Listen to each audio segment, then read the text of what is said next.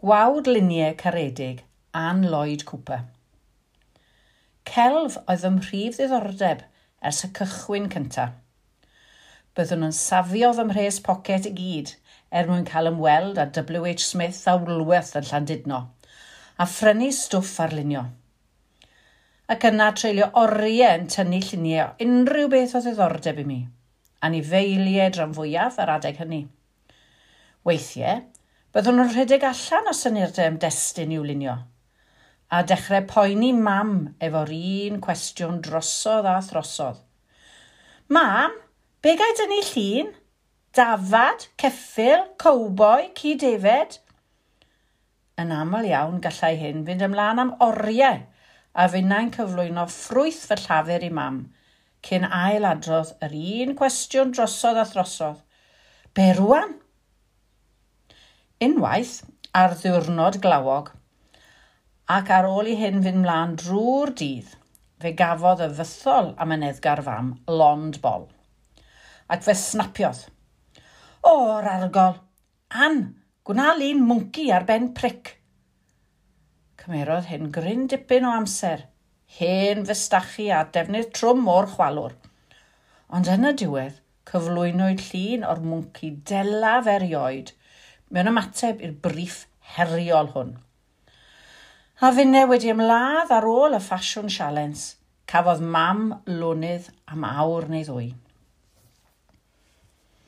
Ymatebau sy'n sawl briff wedyn i ddechrau drwy greu cartwnau i bapur bro yr odyn.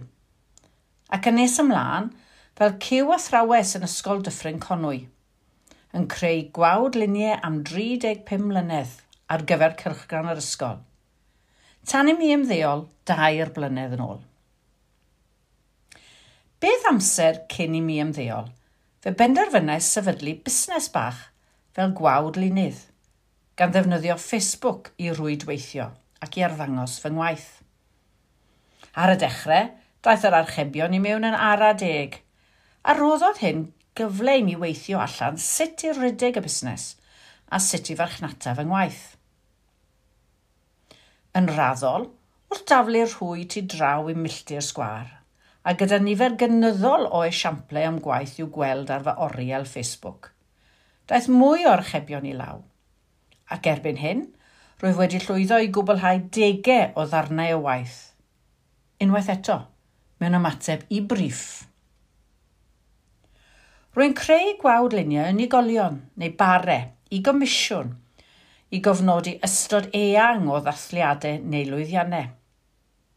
Penblwydd special, penblwydd priodas, ymddeoliad, ennill ras, beth bynnag sydd ei angen. Nid yw rhain yn wawd luniau creulon. Fydde neb yn awyddus i weld fersiwn drwynog, dagellog a boldew ohonynt ei hunain. Na, lle mae'n bosib, gallaf leihau rhychau tynnu bloneg lle mae angen ac ychwanegu padding pan fo modd i wneud hynny, heb golli'r tebygrwydd yn llwyr. Felly, mae'r rhatach a llai poenus na botox, a gallwch ddal i fwynhau plated anferth o sgod a sglods, heb ofni rhoi ows o bwysau ymlaen. Cyn cychwyn ar y llun ei hun – byddaf yn ymgynghori'n agos gyda'r sawl sydd am gomisiynu'r gwaith, cyn cyflwyno blaslun o'r cynnwys a'r gosodiad. Unwaith y bydd hwnnw wedi dderbyn, neu newidiadau wedi cynnig, bydd modd cychwyn ar y llun terfynol. Rhaid creu'r wyneb i ddechrau, a'i gael yn hollol gywir cyn mynd ymlaen i lunio gweddill y cynnwys. Ambell waith, bydd sawl potread yn y fasged sbwriau cyn i mi allu canlu ymlaen a gweddill y llun. Mae'n hollol angenreidiol i mi dderbyn ffotograff o safon dda i weithio honno. Un sydd â thebygrwydd da i'r testyn. Nid yw'r llun ffôn, a dynwyd ganllath oddi wrth y testyn, neu un o gefn ei ben yn wir ddelfrydol.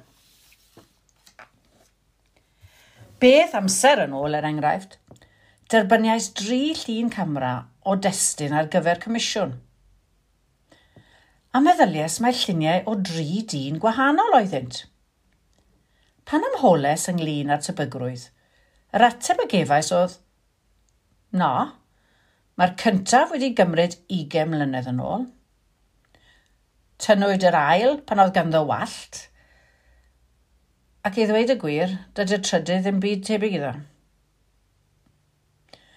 Cofiaf i'w wraig oedrannus fethi'n glir a chofio beth oedd lliw llygad i chymar, a hwythyw yn bod yn briod am dros hanner can mlynedd. Yr ymateb oedd, well i mi edrych ar ei lyged heno. Fydd e'n meddwl mod i wedi mynd yn hirt. Mae modd ychwanegu anifel anwes neu anifel fferm arbennig fel rhan o'r cyfansoddiad. Os ychwanegwch y beic arbennig, y Massey, John Deere neu New Holland, heb sôn am lond bar o gin and tonics, a mi welwch fod sialens ddiddorol yn amlygu hun gyda phob comisiwn. A digonedd yng nghadwy'n hapus. Manion fel rhain sy'n personoli llun a'i wneud yn unigryw. Rwyf wrth fy modd yn llwyr yn creu'r gwawdluniau yma. Rwyf wedi cyfarfod cymaint o bobl glen a ddiddorol. A phleser pyr yw cael adborth positif ar ôl y cyflwyniad. Neu hyd yn oed, llun o testyn yn wen o glist i glist yn gafel yn dyn yn ei anreg. Pwy a wyr, beth fydd y cynnwys y gwawdlyn nesaf? Ond hyd yma, does neb na neb wedi gofyn i mi gynnwys mwnci ar ben pric. Falle rhyw ddwyrnod.